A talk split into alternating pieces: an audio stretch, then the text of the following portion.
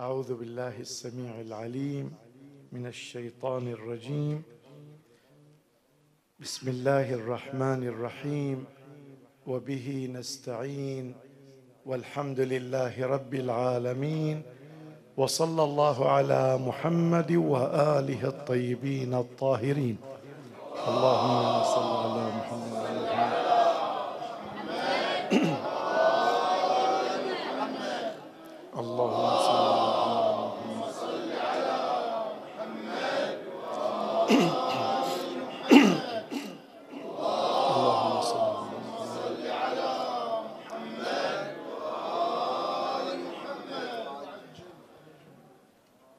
الزيارة سفر إلى ولي الله. إن الروح تتكامل ولكنها تتكامل من خلال حركة الجسد. الله ليس موجودا في مكة. فالله خالق المكان وخالق الزمان فلا يحويه مكان. ولكن الإنسان حينما يريد أن يعيش الشعور بحب الله وبالهجرة إلى الله يقصد مكة لأن الله تبارك وتعالى جعل البيت وسماه باسمه فصار الإنسان يتحرك من بيته إلى مكة ويقول أنا وفد الله. أنا ذاهب لزيارة الله. يطوف بالكعبة ويلح في طوافه على أنه أنا أقصدك لا أريد غيرك. في علاقته مع الشيطان رسم لنا القرآن هذه العلاقة. إن الشيطان لكم عدو فاتخذوه عدوا. إنما يدعو حزبه ليكونوا من أصحاب السعير. في الحج مطلوب منا أن نهيئ سلاحا وهو الحصيات. يستحب أن نجمعها في ليلة العاشر ونحن في المشعر الحرام وسيرمى الشيطان في يوم العاشر يوم غد. كأنك تعيش هذا الشعور. علاقتي مع الشيطان علاقة عداوة. وعلي أن أستشعر الحرب مع الشيطان. ولأن الروح من خلال الجسد هي تدرك هذه المعاني. فطلب من هذا الجسد أن يجمع العصيات وأن يذهب حيث مكان الشيطان ويرميه بسبع حصيات ثم يرميه في يوم آخر وثالث وفي هذا الموضع الجمرة الصغرى ثم الجمرة الوسطى ثم الكبرى. وكأنما الحاج يقول الشيطان سيأتيني في بيتي وأنا أحمل هذا الهاتف ليوسوس لي. سيأتيني في العمل في الكسب حلال وحرام. سيأتيني في العلاقات اجتماعية غيبة وما غيبة. المؤمن يقول سأعد سلاحا لأرمي الشيطان في كل موضع يأتي ليوسوس لي. هذه ممارسات تلقن النفس فيصبح الإنسان كارها للشيطان رافضا لوسوسته محبا للرحمن قاصدا إلى موطن طاعته. الزيارة هي تعبير للمودة القرآنية التي أمرنا الله أن نود أهل البيت. قل لا أسألكم عليه اجرا إلا المودة في القربى كيف تبرز مودتك؟ كان الناس يسافرون إلى الحج وبعد الحج يقصدون قبر رسول الله صلى الله عليه وآله ثم يدخلون على إمام زمانهم. ويسألون ويعلنون له خدمتهم ونصرتهم ومودتهم. يقصدون الإمام من مناطق بعيدة ليبرزوا هذه المودة. نحن جئنا في زمن غيبة. نبرز مودتنا لكل إمام بأن نقصد هذا الإمام. وإذا كان هناك آداب تدلل على المودة لا نفرط فيها. إذا ورد المشي لزيارة الحسين وعلى كل خطوة ثوابه العظيم هذا المشي والجهد لا سيما في هذه الأزمان التي صار الجو حارا أنت تمشي وقصدك أنك ترد وتفد على حجة الله على الإمام المعصوم لتبرز له المودة. والنصرة والتهيؤ. هذا المعنى المفروض أنه يؤدي إلى استحكام المودة وزيادتها بعد الزيارة تكون مودتك وعلاقتك بالإمام ليست كما هي قبل زيارة الإمام. اذا من يزور الإمام ولا يزداد مودة هو لم يعش أو يعش هذه المشاعر التي تراد من هذه الزيارة.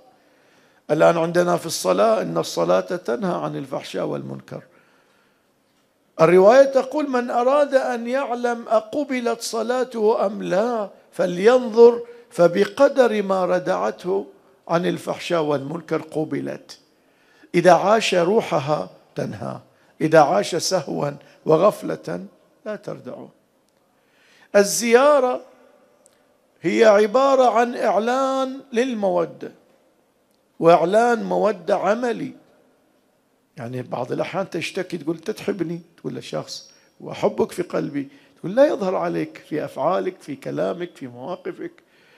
الذي يحب يقصد الإمام. إذا جاء إلى كربلاء إذا جاء إلى الكاظمية إلى النجف ما هي علاقته مع الإمام؟ مع قبر الإمام مع الحرم يعني. لأن بعض الزوار نجده قد يزور مرة واحدة. فهذا يعكس أن العناء الذي مشاه لم يكن للإمام.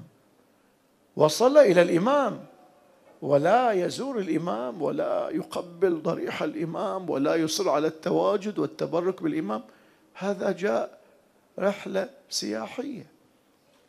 فالمطلوب أن الإنسان في كل خطوة يستشعر أنك يا سيدي جئتك محبا وأعلن حبي ومودتي بكل ما أعاني من مشي وتعب وتكلفة مالية وكل هذه الأمور.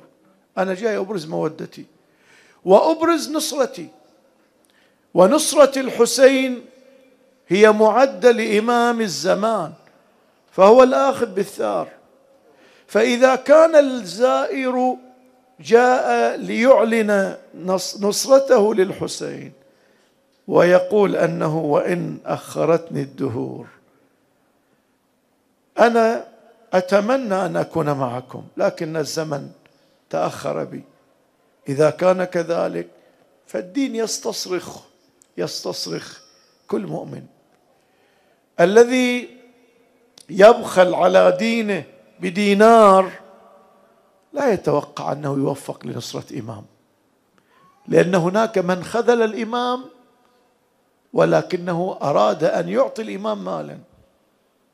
عبيد الله بن حر الجعفي الإمام عرض عليه النصرة قال أنت مذنب تعال كفر عن ذنبك. نفسي لم تسنح بالموت لكن عندي فرس سريع غالي الثمن. ما عدوت به خلف أحد إلا أدركته. أنا بعطيك الفرس. قبل الإمام ذلك؟ الإمام رفض. ما كنت متخذ المضلين عضدا. هذا أكرم منا. إحنا يقولون مساعدة للدين لنصرة الدين ما ندفع. كيف نقدم دمنا؟ بس إحنا مستعدين. هذا الاستعداد ليس بالضرورة صادقا. لأن الذي بايعوا مسلم نيفوا عشرين ألف. وكلامهم ككلامنا. يا ليتنا كنا ونريد ومهدئين. لما حان الحين تخلفوا وبعضهم قتل الإمام. فإذا نحن بحاجة أن نحول زيارتنا إلى الإمام إلى زيارة ذات معنى ذات روح. وهذا لا يكون إلا بالاستعداد والتهيؤ والتفكير وتلقين النفس واستغلال الوقت والتوسل بالإمام نفسه إلى الله. في أن اكون زائرا عارفا مقبولا. هناك آداب ذكرها العلماء منها الغسل قبل الخروج لسفر الزيارة. وذكر بعض العلماء استحباب الغسل عند الزيارة. كل الأئمة نغتسل لهم برجاء المطلوبية لأنه هناك رواية عن الغسل. لكن ما يكفي عن الوضوء. حتى اللي يكتفي بالغسل المستحب ما يكتفي بهذا الغسل عن الوضوء. بخصوص الإمام الحسين عليه السلام هناك روايات تتكلم عن تقصد أشعث أغبر. فكيف نجمع بينه وبين الغسل؟ بعض العلماء قال بقية الأئمة تغتسل وتدهن وتتطيب يعني تكون بأفضل صورة. الإمام الحسين تغتسل لكن لا تدهن لا لا تقوم بالأعمال التي هي في الحقيقة تذهب كونك أشعث أغبر. مجرد جريان الماء من أجل استحباب الغسل فقط. ذكر العلماء من الآداب أن يتجنب الزائر في طريق الزيارة اللغو والخصام والجدال. هذه المعاني تقسي قلب تمنع الإقبال. اللغو ثرثرة تقسي القلب. القرآن لما يمدح المؤمنين قد أفلح المؤمنون. القرآن يقول وإذا مروا باللغو مروا كراما. والذين هم عن اللغو معرضون. لأن اللغو حتى لو لم يرتقي إلى الحرام يقسي القلب. الجدال فيه فيه في الحقيقة شعور بالعجب والحب الانتصار على الآخر. أجادل أم بينتصر عليه وأغلبه في الكلام. فهذا في بعد في الحقيقة يطمس القلب. فالإنسان رايح يريد رقة قلب يريد حضور قلب يبتعد عن الخصام والجدال.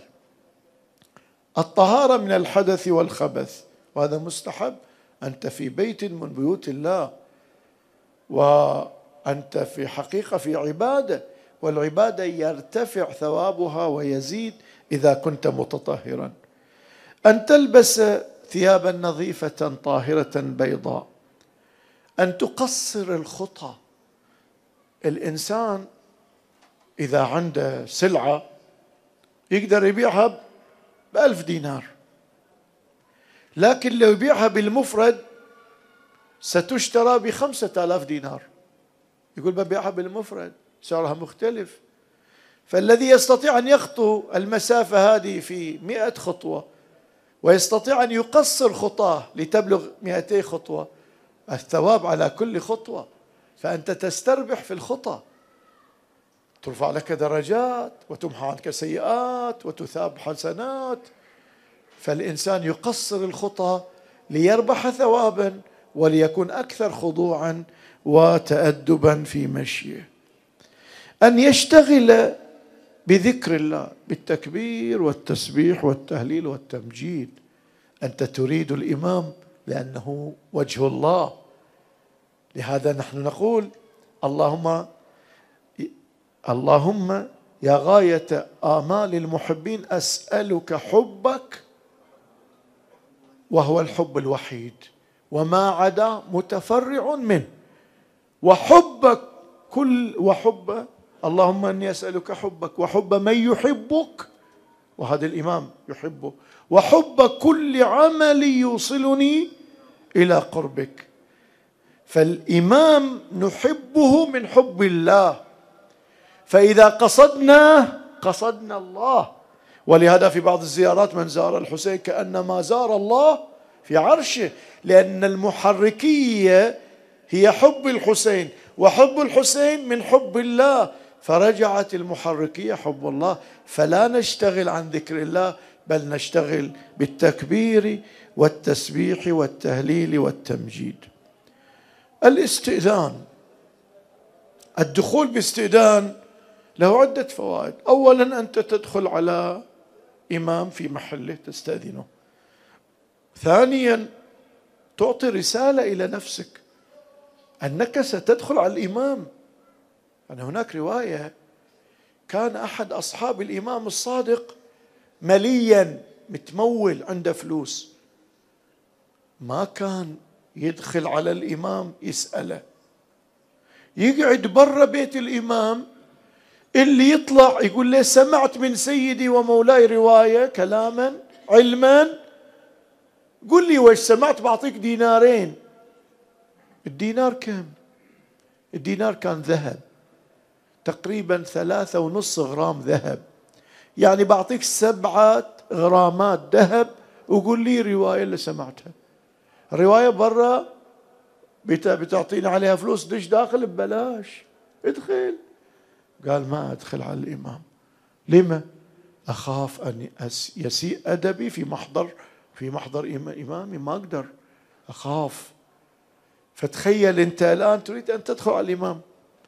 والإمام تقول له أشهد أنك تسمع كلامي وترد. هذا المعنى إذا الإنسان يعيش وهو يستأذن يختلف دخوله. يعني الشيخ بهجت يدخل ينحني يقبل عتبه شيخ حسن زاد حسن حسن زاد آملي قالوا ما قدر يزور الإمام داخل ما يقدر. مرة قنعوه يزور أحد قبور الأنبياء قام يحبي إلى داخل. هذا عارف. يعيش المعنى. يقول أن الإمام موجود. أنا في نظري الغفلة مني الحجاب بغفلتي ولا هو موجود. أدخل عليه. أنا من؟ ما قدر يدخل على الإمام. إحنا ندخل. ما عندنا المعرفة اللي عندهم. لكن لا أقل ألقن نفسي في الاستئذان أن أنا بدخل على ولي الله على الإمام المعصوم. هذا يخليني أتهيأ وأستحضر. يعني تخيلوا لو عندي مدير هذا المدير إذا أدخل عليه يعلم وش في قلبي أي فكرة في قلبي يعلمها. أقدر أقول أقدر أسهو أروح يمين شمال.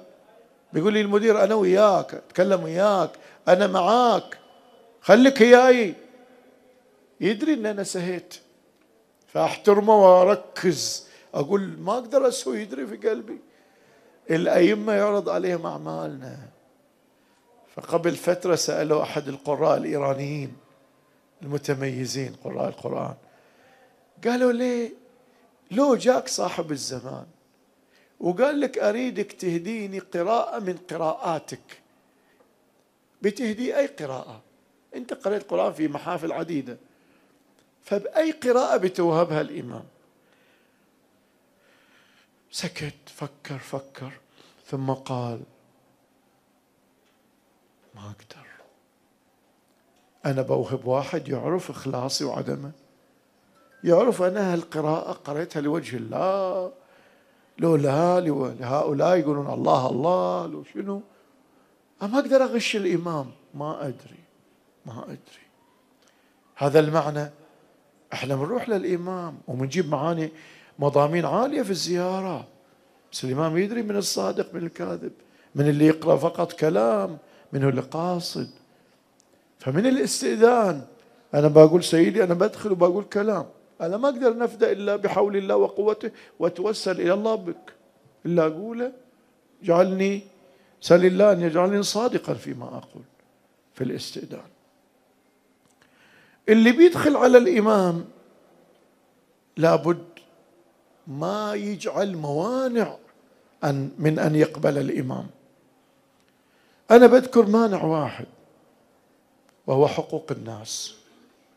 حقوق الناس في الرواية الذنوب ثلاثة ذنب لا يغفر وهو الشرك بالله. اللي يموت على الشرك ما يغفر الله له وذنب لا يترك وهو حق الناس. ما يترك إلا وليسامحك وذنب مغفور بيني وبين الله الله سريع الرضا. يريد أن يتوب عليكم الله يريد يتوب. الصلاة إلى الصلاة كفارة لما بينهما.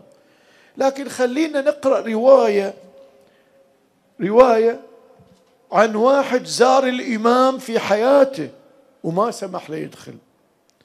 تقول الرواية استأذن إبراهيم الجمال وكان من الشيعة. استأذن على الوزير علي بن يقطين وزير هارون وكان من من الشيعة الخلص. هارون رشيد طاغية وعلي بن يقطين وزيره وكان يريد أن يستقيل. الإمام الكاظم يقول تبقى تخدم الشيعة. هذا الوزير طرق عليه الباب إبراهيم الجمال. كان وزير فحجبه ما سمح له يدخل. لأنه جمال. الرواية تقول لأنه جمال. جمال يعني عنده جمال يكريهم ويوصل ويجيب. فحج علي بن يقطين. أحي الوزير هو رايح الحج. فاستأذن بالمدينة عقب الحج أو قبله استأذن على مولانا الإمام الكاظم. جاء بيت الإمام يريد يدخل على الإمام. فحجبه ما سمح له يدخل. فرآه يوم ثاني مو في البيت شاف الإمام في الطريق. فرآه خارج الدار في يوم آخر فقال علي بن يقطين يا سيدي ما ذنبي؟ أنا ما منعت إلا أنا مذنب. وش ذنبي؟ قال حج حجبت حجبتك لأنك حجبت أخاك إبراهيم الجمال وقد أبى الله أن يشكر سعيك أو يغفر لك إبراهيم الجمال. ما تشكر على حجك وسعيك لنا إلا أول إبراهيم الجمال يسامحك.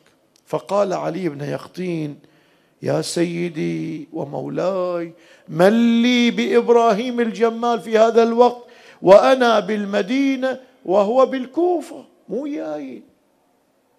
شو أسوي الآن؟ فالإمام قال له إذا حل الليل امضي إلى البقيع وحدك لا تأخذ إياك أحد. أنت وزير والناس تمشي وياك روح وحدك. هناك ستجد نجيبا مسرجا. فاركبه وامضي إلى الكوفة. جاء في الليل ركب وداه. يعني طويت له الأرض ووصل على باب بيت إبراهيم الجمال في نفس الوقت. قرع الباب. من؟ أنا علي بن يقطين. فقال إبراهيم الجمال ما يعمل علي بن يقطين الوزير ببابي؟ شيب وزير لبابي أنا؟ فقال علي بن يقطين إن أمري عظيم.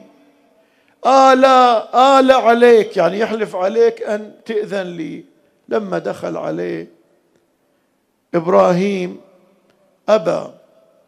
قال له يعني إبراهيم الآن علي بن يقطين الوزير يقول له إبراهيم ترى أبى الله أن يقبلني أبى الإمام أن يقبلني أو تغفر لي. قال له إن المولى عليه السلام موسى بن جعفر أبى أن يقبلني أو تقبلني أنت أول.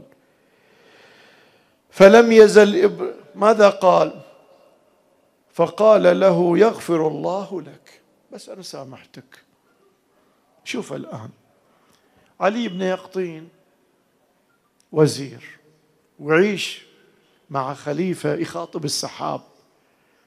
أينما تمطري يعني هذا البدخ في وسطه يعيش علي بن يقطين.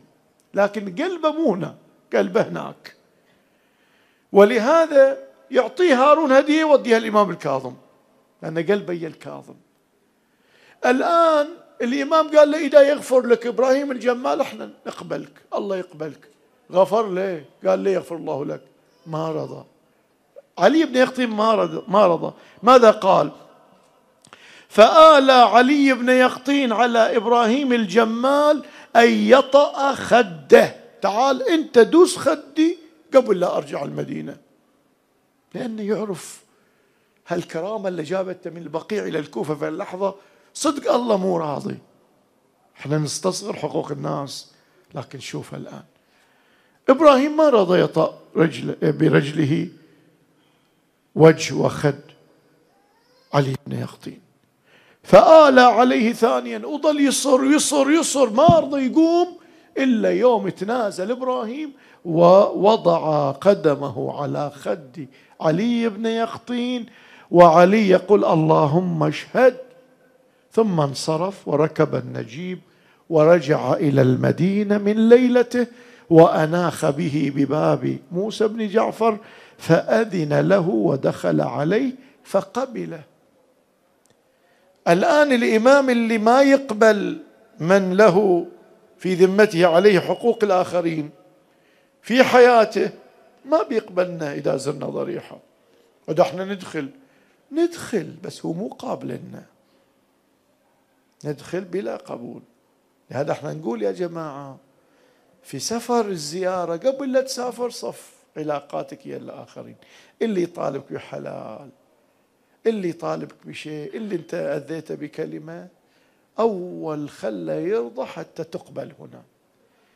الشيء الثاني انت بتكون في حملة أمزجة مختلفة. حاول تمتص كل ال ال الأمور اللي تستفزك. لا تصطدم مع زائر. الصدام مع زائر قد يخلي المسألة ما تقبل إذا رحت للإمام فإحنا حتى نوفق لدخول مقبول ومبارك وله تأثيره لابد أن نتخلص من هذه الأمر هذه أيضا من الآداب المهمة بل من الواجبات في بعض الصور. من الآداب تقبيل العتبة. كان عندنا أحد المشايخ يدش على الإمام الرضا يقول أنا خاطري أنحني أقبل العتبة. بس كله خايف من الناس يقولون هذا تصرف خطأ. يقول هاي تعبيري يعني مو سجود هذا هاي تعبير حب. ويقول وأنا واقف وإذا بدخول الشيخ بهجت رحمه الله. لما دخل شيخ بهجت انحنى وقبل عتبة وقام. قال هذا المرجع العارف لا يبالي يقبل أنا بعد اليوم لا أبالي. ونزل قبل وصار عادته إذا ذهب إلى زيارة معصوم قبل العتبات. من الآداب أن تقف مستقبلا للقبر مستدبرا القبلة. وتقرأ ما ورد. يعني عندنا زيارات واردة فيستحب الإنسان أن يقرأها. أيضا يستحب أن تقرأ الزيارة من قيام. فيها مزيد احترام. إذا أمكن أن تقترب من الضريح إذا كان يزاحم الآخرين تعطي الآخرين الفرصة. يستحب أن تكبر إذا شاهدت القبر وأن تقول لا إله إلا الله وحده لا شريك له. وأن تقرأ الأدعية يعني الآن يا أحبة أنت الآن في موضع موضع البركة. يعني الشيخ بهجت كان يقول إذا في بلدكم ما في قبور للأولياء المعصومين عندك حاجة طلب روح شوف قبر عالم قبر ولي مدفون في في بلدك روح ادعو هناك. هناك ملائكة تحف بالقبر هناك بركة تحيط. فإذا دعيت السماء تفتح لك. فمطلوب منا أن نستغل الفرصة وندعو. وإحنا معروف عندنا أن الدعاء تحت قبة الإمام الحسين مستجاب. لكن وش نطلب؟ وش نطلب؟ إحنا في الحقيقة نشوف طلبات الناس. شفنا ناس ماشية إلى الحسين وحاط ورقة في ظهره كاتب أنا جايك يا حسين أو يا عباس وأريدك تزوجني من فلانة. حاط اسم حبيبته في ظهره وجاي همه بالمشي أن يوصل. هذا مثل واحد دخل مطعم فيما لد وطاب. ومستويات وأطعمة المطعم متفاوتة في الطعم والجودة. ما تعرف؟ جابوا لك اللي يسمونها قائمة الطعام أسماء ما تعرفها. وش يعني؟ هذا ما أدري. تاكل لو تقول لفلان صديقك اللي دائما يجي المطعم ومجرب كل شيء تقول له أنت تعرف؟ له قال إيه أحسن شيء هالطبخة. تروح تاخذها. لأنك ما تعرف تطلب هو يعرف يطلب. إحنا ما نعرف نطلب. باب الدعاء مفتوح عند الحسين وبقية الأئمة. المفروض أن واحد يستغل الفرصة يطلب أفضل طلب. أفضل الطلبات يعرفها الأئمة. هم اللي يعرفون يطلبون. عندك كتاب أدعية الأئمة واقعد واقرأ دعاء ورا دعاء. هاي أدعية ناس يعرفون يطلبون. والله ما حضر عندي كتاب دعاء. قول يا رب أنا أطلب اللي كان يطلب الإمام. وأريد تجنبني اللي كان الإمام يطلب تجنبه. ما مرت علينا في قنوت يوم العيد. ها؟ اللهم إني أسألك خير ما سألك عبادك الصالحون. يعرفون وش يطلبون. وأعوذ بك مما استعاذ منه عبادك المخلصون.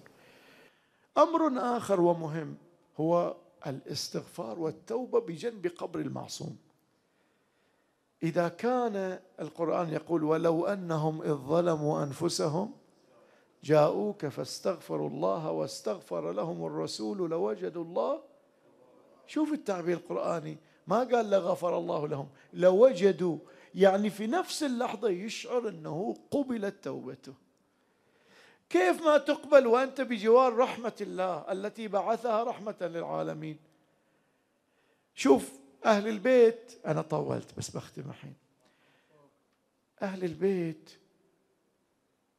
يجونهم ناس يسألونهم أي آية في القرآن أكثر رجاء؟ رجاء يعني وين؟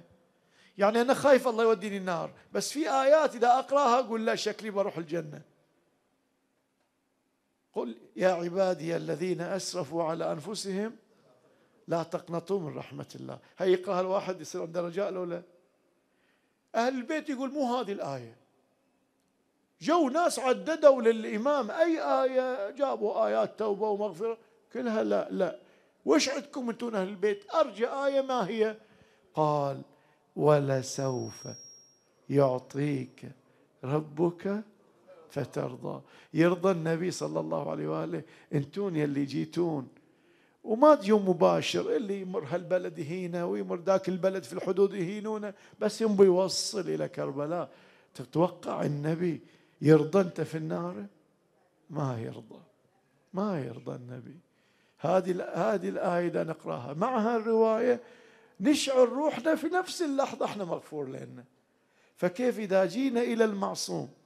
واستغفرنا في محضره وهم أمان لأهل الأرض. فإذا كانوا أمانا لنا في الدنيا فكيف بهم في الآخرة؟ هم شفعاؤنا. فإذا نحتاج إلى الاستغفار والتوبة بجنب قبر المعصوم. بعض العلماء ذكر الإنفاق على المجاورين للمعصوم وعلى خدمة المعصوم. يعني دشيت هذا اللي ياخذ النعلة أعطيته هدية. يقول لي لا أنا ما أقول له هدية. أنا هحب هذا يخليني أكرم كل من يخدمه. صح؟ هذا مو براز محبة؟ تقول لي زين أنت قلت الحين اللي يخدمون بعد اللي مجاورين أعطيهم لما قال لأنهم يرون هذا بركة عليهم. فأنت إذا تعطي تقول صدقتم هو بركة. من يقصده يكون كريما عليكم. هذا أيضا من إبراز مودة الإمام عليه السلام. بعض العلماء ذكر أيضا عدم التزاحم وعدم الأنانية تسمح لغيرك أن يقبل أن يستلم الضريح. الأمر الأخير هو ما ذكره بعض العلماء أن الإنسان إذا كان ضعيفا لا يطيل بقاءه بجنب الإمام. يعني أنا مثلا أول يوم أجي كربلاء أتكهرب روحيا واذا عندي ذنوب أقول خلاص ما بطالع نظرة محرمة ما بغتاب ما, ب... ما عندي الآن الجانب الروحي مرتقي جدا. إذا أنا طولت في البقاء في كربلاء شوية شوي أعتاد على المكان وشوية أتجرأ اطالع نظرة محرمة شيء فأسيء الأدب في محضر الإمام. قالوا إذا خلصت الحج اطلع من مكة إذا خلصت الزيارة اطلع. فقال العلماء كيف التوصية؟ اطلع. والصلاة في بيت الله بمليون أقعد أتعبد بيت الله أحسن ليش أطلع؟ فقالوا هذا لمن لا يضمن نفسه أن يبقى على نفس الوهج الروحي ويخاف على نفسه أن يرتكب الذنوب في محضر الإمام. ليش؟ إحنا الإمام يقول نحن الأشهاد. الله يقول ويوم يقوم الأشهاد يوم القيامة. يوم ندعو كل أناس بإمامهم. وقل اعملوا فسيرى الله عملكم ورسوله والمؤمنون. تتخيل اللي تتبنى هو شفيعك. هو الشاهد ضدك في القيامة. هو يقول هذا عصا أنا في محضر عصا. فيقول إذا كنت لا تضمن نفسك في طول البقاء أن ترجع إلى ذنبك وتسيء أدبك عند إمامك فتحول عنه بعد الزيارة وارجع إلى بلدك. هذه بعض الآداب. التي ذكرت. أسأل الله لي ولكم أن يوفقنا لأن تكون حاصلة في زياراتنا وأن تكون زيارتنا مقبولة وأن يوفقنا في كل عام لزيارة هذه البقاع بقلب خاشع وبقلب محب وبتوفيق لأن نشرك من حرم الزيارة معنا في ثوابها. أستغفر الله لي ولكم والحمد لله رب العالمين وصل اللهم على